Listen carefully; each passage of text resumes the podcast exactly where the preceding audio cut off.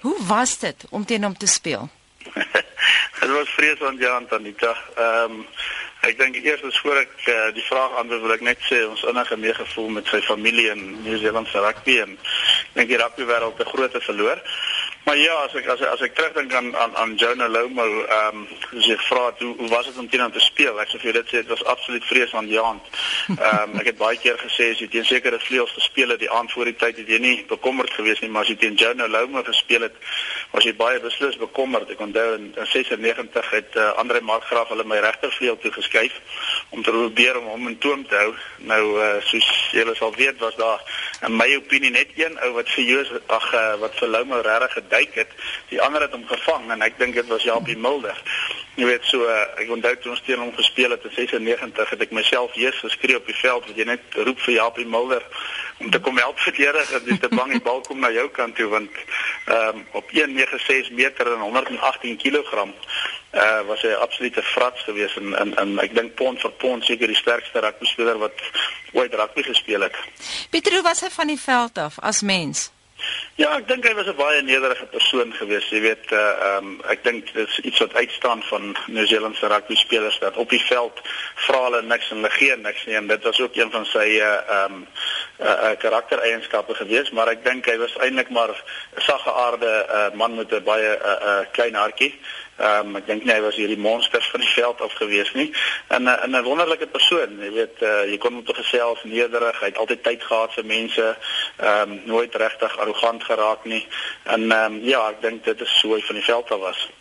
Lomo en Brian Abana hou die rekord vir die meeste drie in 'n wêreldbeker toernooi. Ja, ek dink ons moet kyk na die na die hele rekord van 'n uh, 'n uh, uh, Jonah Loma.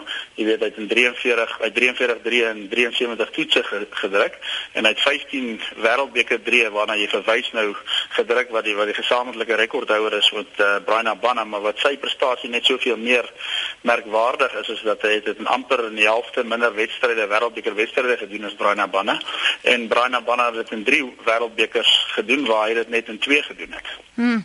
Die voormalige Britse kaptein Will Carling het een keer van Lomo gesê nadat die All Blacks hulle in 'n semifinaal gewen het en ek haal hom aan, he's a freak and the sooner he goes away the better. Wat is jou gunsteling herinnering aan hom? Uh, snaaks dat dit laat jy daai moet aanhaal want ek het hier neergeskryf op 'n stukkie papier wat ek met hulle wil deel wat my gunsteling uh, herinnering aan John Loma was en dit was gewees in 1995 in die wêreldbeker in Kaapstad uh, teen Engeland. Jy weet in daai wedstryd het John Loma 4-3 teen Engeland gedruk en die eindste wolkaling sal ek onthou hoe hy gelê het en en dit amper 'n idee gekry.